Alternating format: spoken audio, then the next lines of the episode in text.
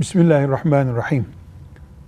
Evde giydiğimiz kıyafete iç kıyafet, dışarıda giydiğimiz kıyafete de dış kıyafet de diyebiliriz.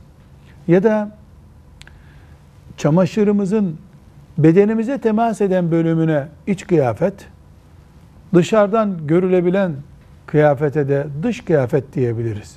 Bunlar bizim sosyal hayatımızda isimlendirdiğimiz şeylerdir. Dinimiz açısından atlet, gömlek, ceket, ferace bunlar önemli değildir.